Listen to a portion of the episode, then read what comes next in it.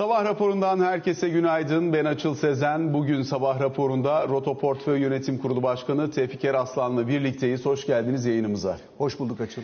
Merkez Bankası'ndan gelen açıklamalar var. Resmi gazetede e, yürürlüğe konulan e, yeni düzenlemelerle birlikte birkaç temel unsur değişiyor. Birkaç yerde kalibrasyon, ufak tefek uyarlamalar var. Ama önemli.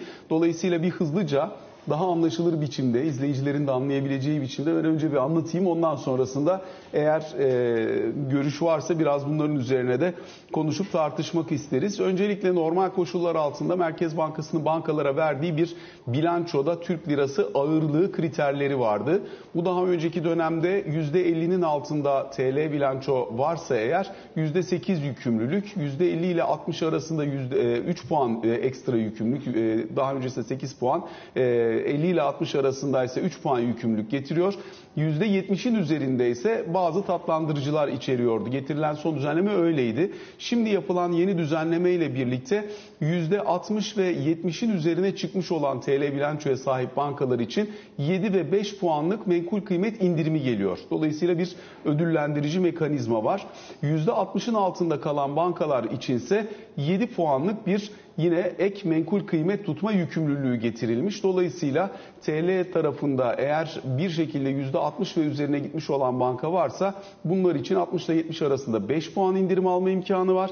%70'in üzerine çıkan varsa 7 puan menkul kıymet tutma yükümlülüğü indirimi alma imkanı olacak bundan sonra. Ama eğer %60'ın altındaysa 7 puanlık bir menkul kıymet tutma yükümlülüğü söz konusu olacak. Bu birincisi. İkinci olarak kredi faizlerine dönük olarak Merkez Bankası'nın daha önce yapmış olduğu düzenlemeler vardı. Burada da Merkez Bankası'nın açıkladığı referans faiz oranının belli bir miktar üzerinde iki katsayı belirlenmişti. Bu iki katsayıda eğer ki üst sınırı aşacak oranda kredi faizi uygulayan banka varsa bu bankalar için %90 kredi tutarının %90'ı kadar menkul kıymet tutma yükümlülüğü vardı. Bu oran %150'ye çıkartılmış.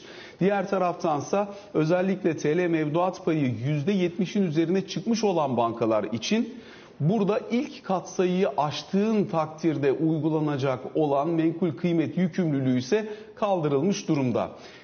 Bu düzenlemeler ilk geldiği dönemde Merkez Bankası'nın bankalara bilançonun içindeki dövizi TL'ye çevirmek için verdiği bir dönüşüm oranı yükümlülüğü vardı. Bunu eğer gerçekleştiremezse menkul kıymet tutma zorunluluğu getirilmişti.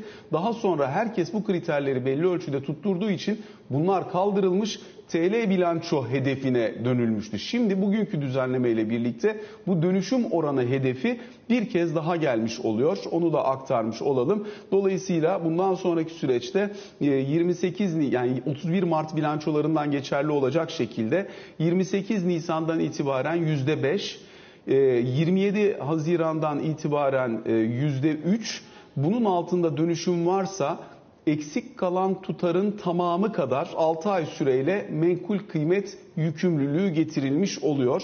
Ayrıca gerçek ve tüzel kişi için dönüşüm oranlarından düşük olanlar 27 Haziran'a kadar %15'in 29 Eylül'den itibaren de %24'ün altında kalanlar için bilançonun bu hesaplama kısmındaki paydasında bulunan mevduat kısmının %5'i kadar yine menkul kıymet tesisi hedefe ulaştığınız tarihe kadar tutma zorunluluğu olacak. Yani bir bilançodaki TL yükümlülüklerine göre ayrılacak olan menkul kıymet yükümlülüğü değiştirildi. İki, kredi faizlerindeki üst sınıra eğer uymuyor, riayet etmiyorsa banka bunun için ek bir yine menkul kıymet tutma yükümlülüğü getirildi. Üçüncü ise özellikle dönüşüm oranı yeniden gelmiş durumda. Bankaya müşterinizin mevduatını TL'ye dönüştürmezseniz buradaki dönüşüm oranı kriteri ölçüsünde yine menkul kıymet tutma zorunluluğunuz var deniliyor.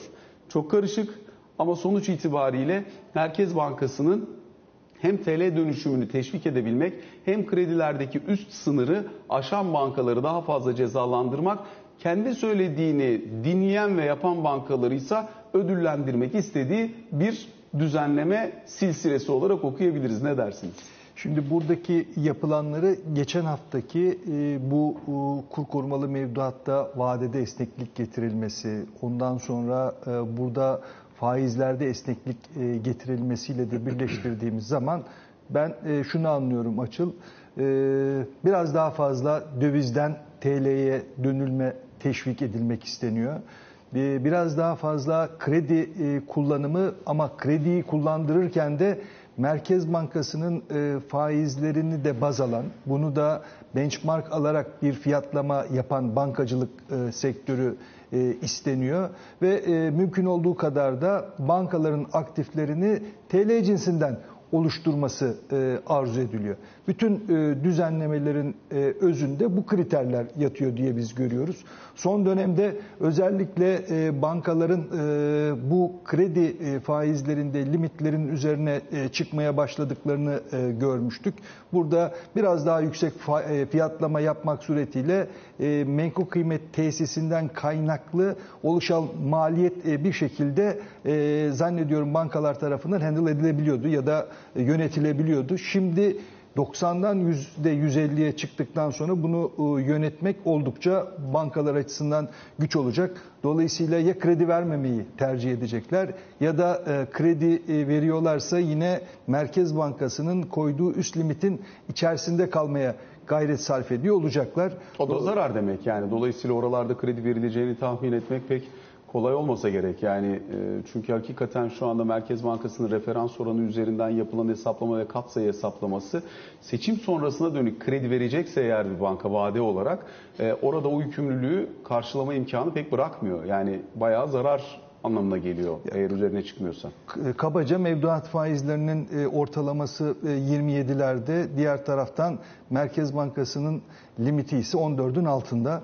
Böyle olunca e, senin de ifade ettiğin gibi bankaların bu maliyetlerle mevduat toplayıp ondan sonra 14'ün altında bir e, faizle vermeleri de e, çok kolay değil. Her ne kadar swaplar kanalıyla bir miktar ucuz kaynağı temin edebilseler, her ne kadar API kanalıyla dönüp Merkez Bankası'ndan ucuz kaynak temin edebilseler dahi artık kredi stoğu da çok büyüdü. Bu kaynaklardan gelen para çok daha düşük bir yüzdesini kapsıyor.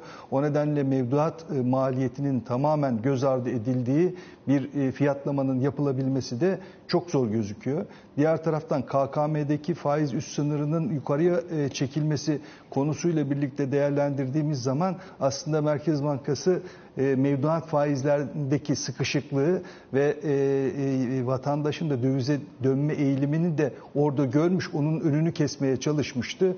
Dolayısıyla bu iki karar arasında da bir miktar çelişki bulunduğunu gözlemliyorum. Şimdi dün itibariyle de Merkez Bankası bir başka düzenleme yapmış. O düzenleme çerçevesinde de aslında tutulacak olan menkul kıymetler içerisinde önemli yer tutan unsurlardan biri enflasyona endeksli kağıtlardı. Bu kağıtlar tabii çok ciddi karlar yazmasıyla sonuçlandı geçtiğimiz hafta itibariyle. Fakat menkul kıymet hesabı yaparken buradaki iskonto oranını %70'i çıkartmıştı artık Merkez Bankası. Bu %80'e çıkarttı. Dolayısıyla eğer bir şekilde bu menkul kıymet tutma yükümlülüğüne tabi isen o kağıtların şu an itibariyle vitamini iyiden iyiye azalmış oluyor. %80 iskonto ile hesap ederek buradaki dönüşüm oranının içerisine katkıda bulunuyor. Orada tutulan menkul kıymetler. Doğru yani e, burada da e, istenen arzu edilen şeyin aslında enflasyona endeksli, değişken getirili e, kıymetlerin e, alınması değil, daha çok e, sabit menkul kıymetlerin alınması olduğunu anlıyoruz. Bu da tabii bankacılık sektörünü maliyet açısından oldukça zorlayan bir gelişme. Ama hazineyi tabii bir miktar daha rahatlatabilmek amacını da taşıyor anladığımız kadarıyla. Zira hani buralarda e, kağıt arzı yaptıkça ki hazinenin borç çevirme oranına baktığımızda onun da ciddi anlamda yükseldiğini gözlemliyoruz. E, dolayısıyla artık net borçlanıcı aşamasına geçmiş durumda Türkiye. E, bu son verileri de e, dikkate aldığımız zaman hazinenin borçlanma maliyetini aşağı çekiyor. Yani sabit getirili kağıtlara olan ilgi ve alakanın menkul kıymet tutma yükümlülüğü arttıkça bankalar dönüp sabit getirili kağıt alıyorlar. 5 ve 10 yıl vadeli almak zorunda kalıyorlar. E, tüfeks kağıtlarının da eğer iskonto oranı artıyorsa ister istemez buradaki cazibe daha fazla artıyor. Uzun vadeli ve çok daha düşük maliyetle borçlanma imkanı tanınmış oluyor Merkez Bankası eliyle hazineye. Ya şu söyleniyor olabilir. Biz geçen sene de bu makro ihtiyati tedbirleri uyguladık. Bu makro ihtiyati tedbirlere rağmen e, büyük ölçekli bankalarımızdaki karlar da 50 ile 65 milyar TL arasında olabildi. E, dolayısıyla biz bu yöndeki e, makro ihtiyati tedbirlerimizi uygulamaya e, devam edelim. Biraz daha sıkılaştıralım deniyor olabilir. Ama geçen yılın başıyla sonu arasında makro ihtiyati tedbirlerin bankacılık sistemi üzerine getirdiği yüke baktığımız zaman aynı değil. Bu yılda bankacılık karı bir önceki döneme göre aslına bakarsanız yarı yarıya azalmış durumda. Dolayısıyla böyle devam ederse önümüzdeki dönemde bankalar için karlılık çok zor bir konu haline dönüşebilecek. Bundan sonraki dönemde elbette bankalar açısından bu düzenlemeler gelmeye devam ediyor ama bir ay sonra işte 40 gün sonra da seçim var. Dolayısıyla verilen hedefler ve verilen yükümlülükler seçim sonrasını da kapsıyor. Para politikası böyle mi devam edecek?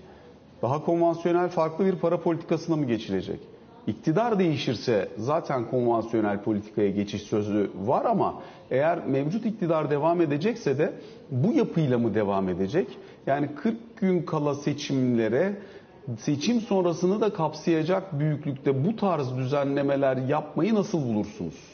Şimdi bugün seçim sonrasını kapsayacak şekilde yapılıyor ama seçimden sonra aynı politikalar e, uygulanacak mı e, konusu yine bir bence soru işareti. Burada e, şu anda anortodoks bir ekonomi ve para politikası e, izliyoruz. Seçimden sonra bu biraz daha e, anortodokstan soft ortodoksa yönelik bir e, geçiş e, söz konusu olur mu e, konusunda hep birlikte görüyor olacağız. Şu andaki makro dengelere baktığımız zaman bir miktar e, bu anortodoks politikalardan soft tarafa doğru yaklaşma ihtiyacı olduğunu görüyorum ben. Tabii ki o günkü politika yapıcılar nihai kararı verecekler. Peki yani şimdi bugünden şimdi bankaların hazinelerine gidin bakın herkes tabii ister istemez buna dönük pozisyon almaya çalışacak. Buna göre bir düzenleme yapmaya, yeni düzenlemeye uymaya çalışacak.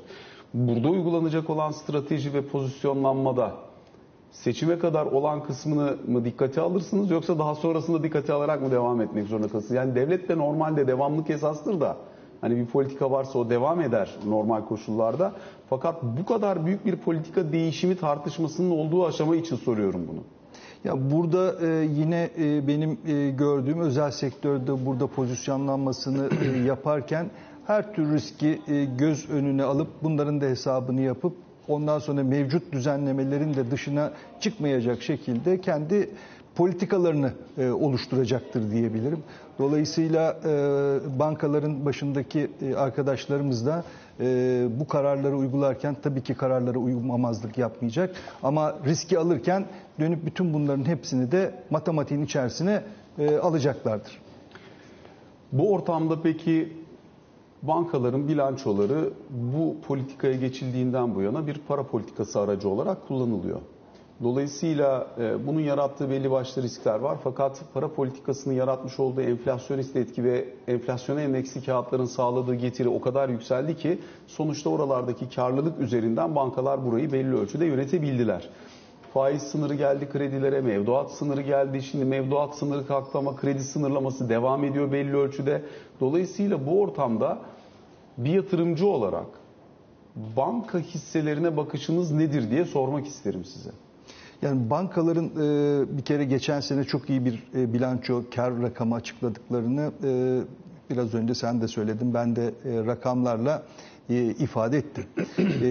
bu yılın sadece şu kesitinden baktığımız zaman hala bankacılık fiyat kazanç oranı, piyasa defter değeri oranı gibi rasyolar üzerinden bakıldığında da uygun fiyatlı. Ee, ama önümüzdeki dönemde uygulanacak politikaların sertliğine göre bankaların bilançosunun belli bir miktarda e, bu işten zarar görmesi de söz konusu olabilecek.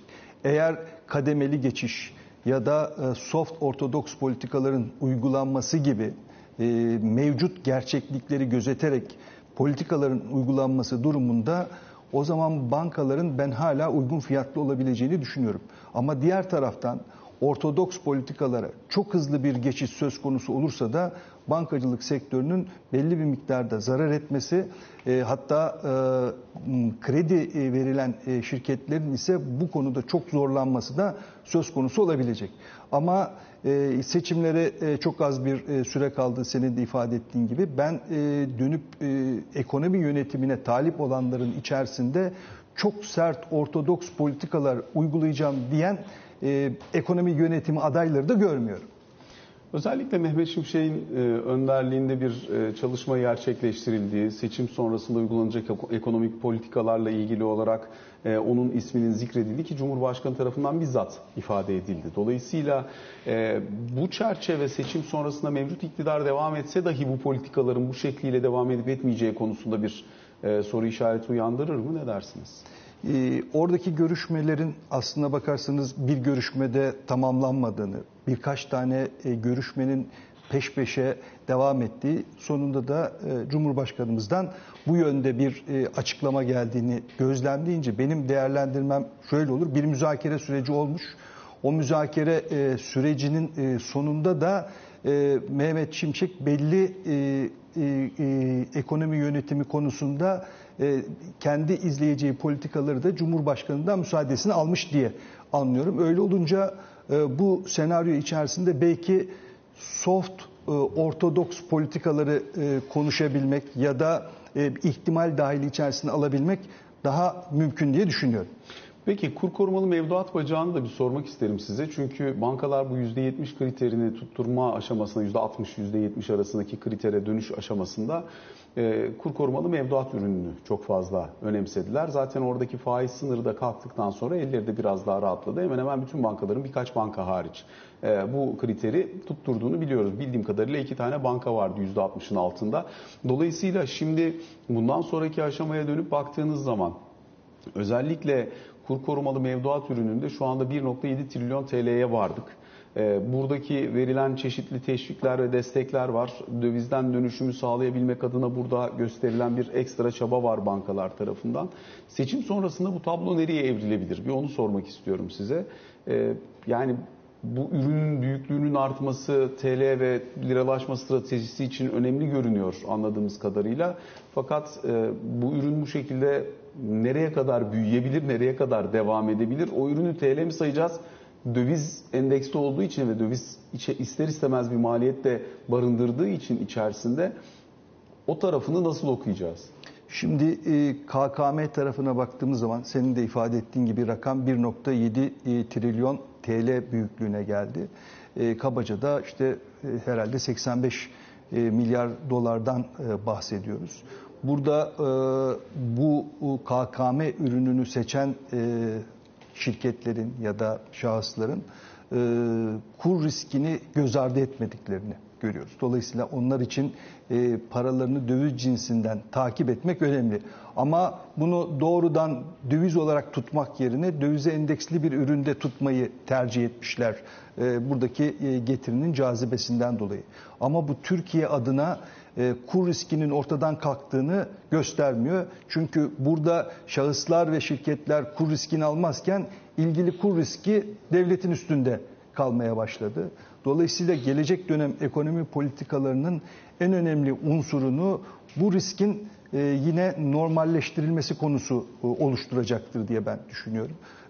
Burada da en kolay bu işten çıkış stratejisi ise yabancı yatırımcının tekrar Türkiye ilgisinin olması. Dolayısıyla Türkiye'ye önemli miktarda döviz girmesi e, onun yarattığı olumlu ortamda da KKM'nin zaman içerisinde azaltılması stratejisi Kendi olabilir. kendini tavsiyesi. Evet. Yani onun dışındaki senaryolarda bu riskin yaratabileceği tahribatta önemli bir e, boyutta olabilecektir. Dolayısıyla ben gelecek ekonomi yönetimlerinin en önemli e, konusunun bu olacağını değerlendiriyorum.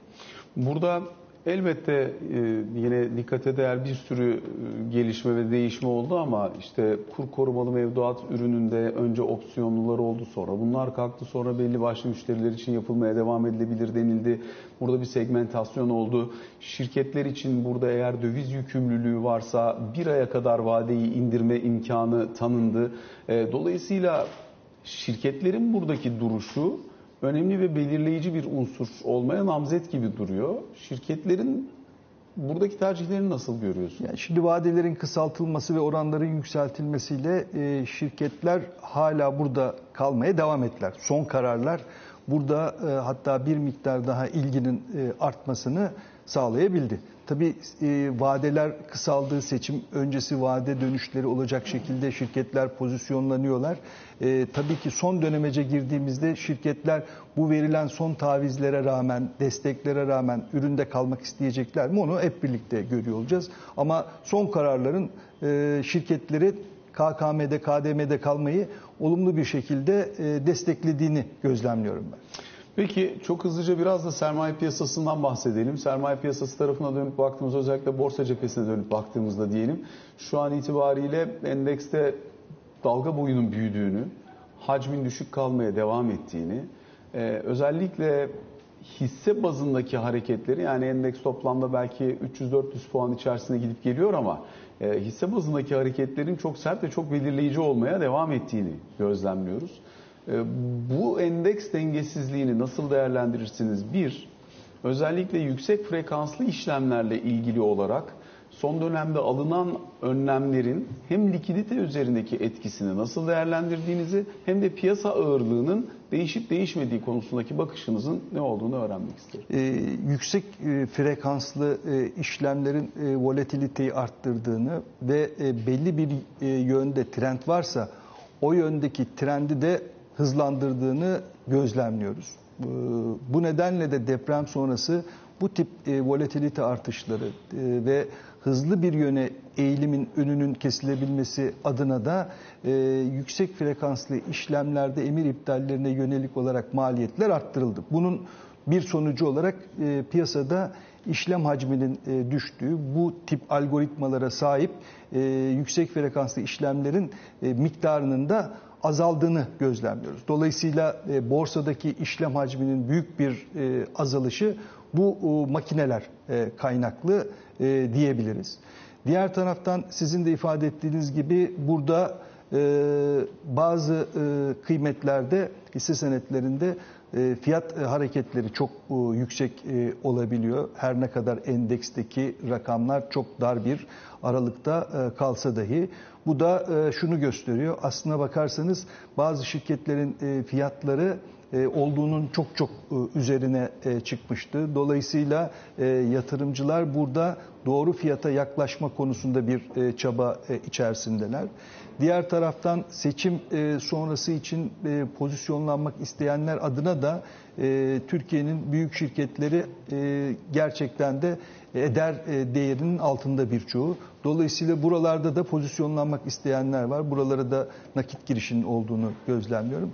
E, o nedenle sağlıklı bir e, fiyat oluşumu için piyasa çaba gösteriyor diye yorumlamak lazım. Peki bir de bundan sonrası için özellikle yeni ihraçlar ve şirketlerin buralardaki maliyetleri özellikle ÖST piyasası bir dönem çok hareketli hale gelmişti. Mevduatta ciddi anlamda kısıtlama olduğu dönemde ister istemez kredi bacağı da çok sınırlı hareket edebildiği için şirketler bu tarafa çok yönelmişlerdi. Şimdi hem ÖST ihraçlarını hem aynı zamanda şirketlerin buradaki iştahını nasıl görürsünüz? ÖST e, ihraçlarındaki o ivmelenme devam ediyor. Çünkü e, özellikle şirketlerin 3 aydan 1 yıla kadar kredi taleplerini e, bulabilmekte zorluk çektiğini görüyoruz. O nedenle de ÖST piyasasına geliyorlar. Dolayısıyla burada bir miktar e, yüksek faiz e, ödemek e, şartına e, rağmen e, dönüp borçlanma yaptıklarını da görüyoruz. Dolayısıyla 3 aydan 1 yıla kadar şirketinden şirketine değişmekle birlikte 30'un biraz daha üzerinde e, faizlerle borçlanan firmaların olduğunu görüyoruz. Bir açıdan da e, bu tip olaylar şunu da sağlıyor diyebiliriz. Geçmiş dönemde özel sektör borçlanma araçlarının yurt dışında olduğu kadar Türkiye'de neden yaygın olmadığını tartışmıştık. Şirketlerin bu piyasaya gelmesinde çok büyük e, sıkıntılar vardı. Çünkü onlar bildikleri kredi işlemleriyle ilerlemeyi tercih ediyorlardı. Şu anda içinde bulunduğumuz e, piyasa koşulları şirketlerin bu ürünü öğrenmesine ve kullanmasına vesile oldu. E, dolayısıyla da hayırlı bir e, iş oldu sermaye piyasaları adına diyebilirim. Sayın Tevfik Eraslan çok teşekkür ediyoruz. Bu sabah değerli görüşlerinizi bizlerle paylaştığınız için. Kısa bir araya gideceğiz. Aranın ardından Ali Can Türkoğlu ile birlikte karşınızda olacağız.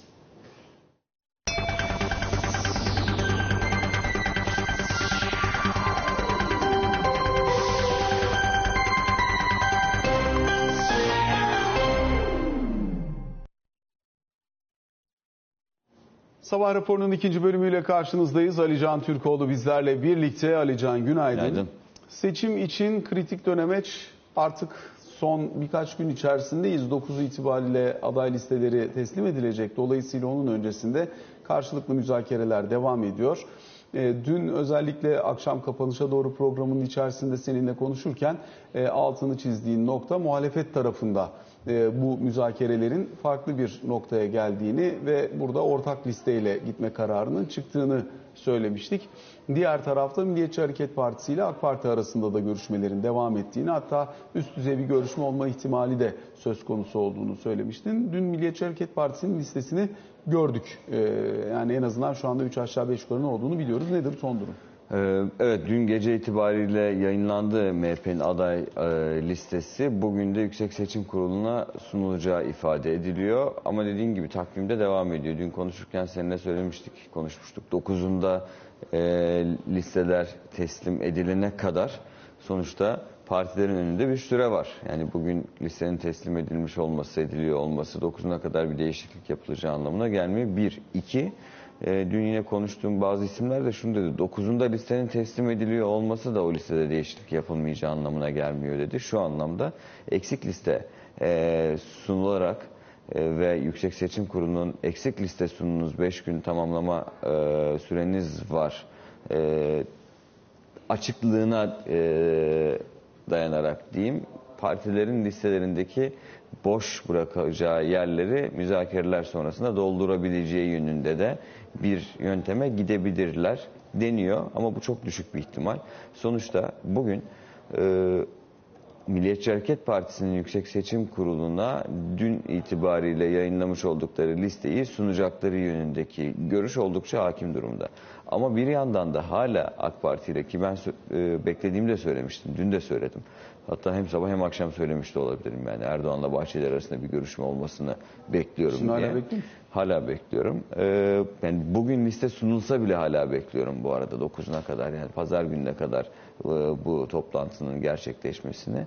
E, çünkü daha öncesinde AK Parti ve Milliyetçi Hareket Partili kurmaylar arasında yapılan toplantılarda e, 19 il diye hatırlıyorum. 19 ilde ortak liste e, çıkarmanın Cumhur İttifakı açısından daha avantajlı olduğu yönünde e, bir görüş birliği vardı. Kurmaylardaki görüş birliği vardı. Ancak Milliyetçi Hareket Partisi tarafı özellikle kendi logosuyla seçime girme yönündeki fikrini koruyor. Dünden de anladığımız zaten bu. Ancak yine de e, bu görüş savunuluyor olsa bile liderler arasında son bir görüşmenin daha yapılarak e, karar böyle olsa bile Cumhur İttifakı olarak beraber hareket ediyoruz ve e, görüşün bu yönde olmasını beraber istedik gibi bir fotoğrafın da verilebileceğini düşünüyorum. Yani illa liste değişecek, ortak liste olacak anlamında bir görüşme değil. Ee, Erdoğan Bahçeli arasında herhangi bir sıkıntı yok görüşmesinin e, fotoğrafının verilmesi açısından da ben hala bu toplantının olmasını bekliyorum. Bu Cumhur İttifakı tarafı. Ee, bu arada Milliyetçi Hareket Partisi'nin listesinden de kısmen bahsedeyim. Ee, Devlet Bahçeli, MHP Genel Başkanı Sayın Bahçeli yine Osmaniye birinci sıra adayı. A takımındaki yani tüm yakın kurmayların yerlerini koruduğunu görüyoruz Milliyetçi Hareket Partisi'nde. Ee, geçtiğimiz dönem Millet e, Meclisi'ne giren 5 vekilin bu listede yer almadığını söyleyebilirim. E, iki de belediye başkanı e, milletvekili adayı olarak listede yer almış. E, Mersin'le ilgili bir e, bir durum var. Şöyle o konuşulacaktır bugün biraz daha. Eski Ülke Ocakları Başkanı Olcay Kılavuz geçtiğimiz dönem Mersin birinci sıradan Türkiye Büyük Millet Meclisi'ne girmişti. İki milletvekili vardı Milliyetçi Hareket Partisi'nin Mersin'de. E, bu listede Olcay Kılavuz dördüncü sırada. E, ilk sırada Nişantaşı Üniversitesi Mütevelli Heyeti Başkanı Levent Uysal var. Dolayısıyla bu noktada e, Olcay Kılavuz'un ki e, Sayın Bahçeli'ye yakın olan isimlerden birisi olarak adlandırılırdı Ankara'da. E, listede daha seçilmesinin az olduğu bir yerde olduğunu söylemek gerekiyor. Şimdi yarın oy pusulasının kurası çekilecek 8 Nisan'da. Dolayısıyla bu iki gün boyunca 9 Nisan saat 17'ye kadar partiler arasındaki görüşmelerin devam etme ihtimalinin yüksek olduğunu söyleyebiliriz. Millet İttifakı tarafında da evet son ana kadar ittifak içi ittifakla ilgili bir şey olur mu diye beklendi ama olmadığı anlaşıldıktan sonra Kemal Kılıçdaroğlu'nun devreye girmesiyle İyi Parti ve Cumhuriyet Halk Partisi dışındaki 4 siyasi partinin CHP listelerinden seçime girmesi yönünde bir karar alınmış durumda. Resmen açıklanmadı. 25 civarında vekilin seçilebilir noktalardan CHP ismin seçilebilir noktalardan CHP listesinde vekil adayı olarak gösterilebileceği ifade ediliyor. Yine Cumhuriyet Halk Partisi ile İyi Parti arasındaki ortak listenin de 12-13 ilde yapılacağı fermuar listenin de yapılacağı yönünde bir beklenti var. Tüm bu açıklamalar bugün yarın gelecektir. Şunu da söyleyeyim. Lavrov Türkiye'de, Lavrov Çavuşoğlu basın toplantısı olacak. Dün de İbrahim Kalın'ın Putin'le bir görüşmesi olmuş Rusya'da. Dolayısıyla bugün Türkiye-Rusya ilişkileri ne ilişkin yeni açıklamalar gelebilir. 27 Nisan'daki Akkuyu'daki törene Putin katılacak mı diye seninle konuşmuştuk. Putin katılmıyor gözüküyor ama video konferansla e, dahil olacak. Teşekkür ediyoruz Alican. Sabah raporuna böylelikle son noktayı koymuş oluyoruz.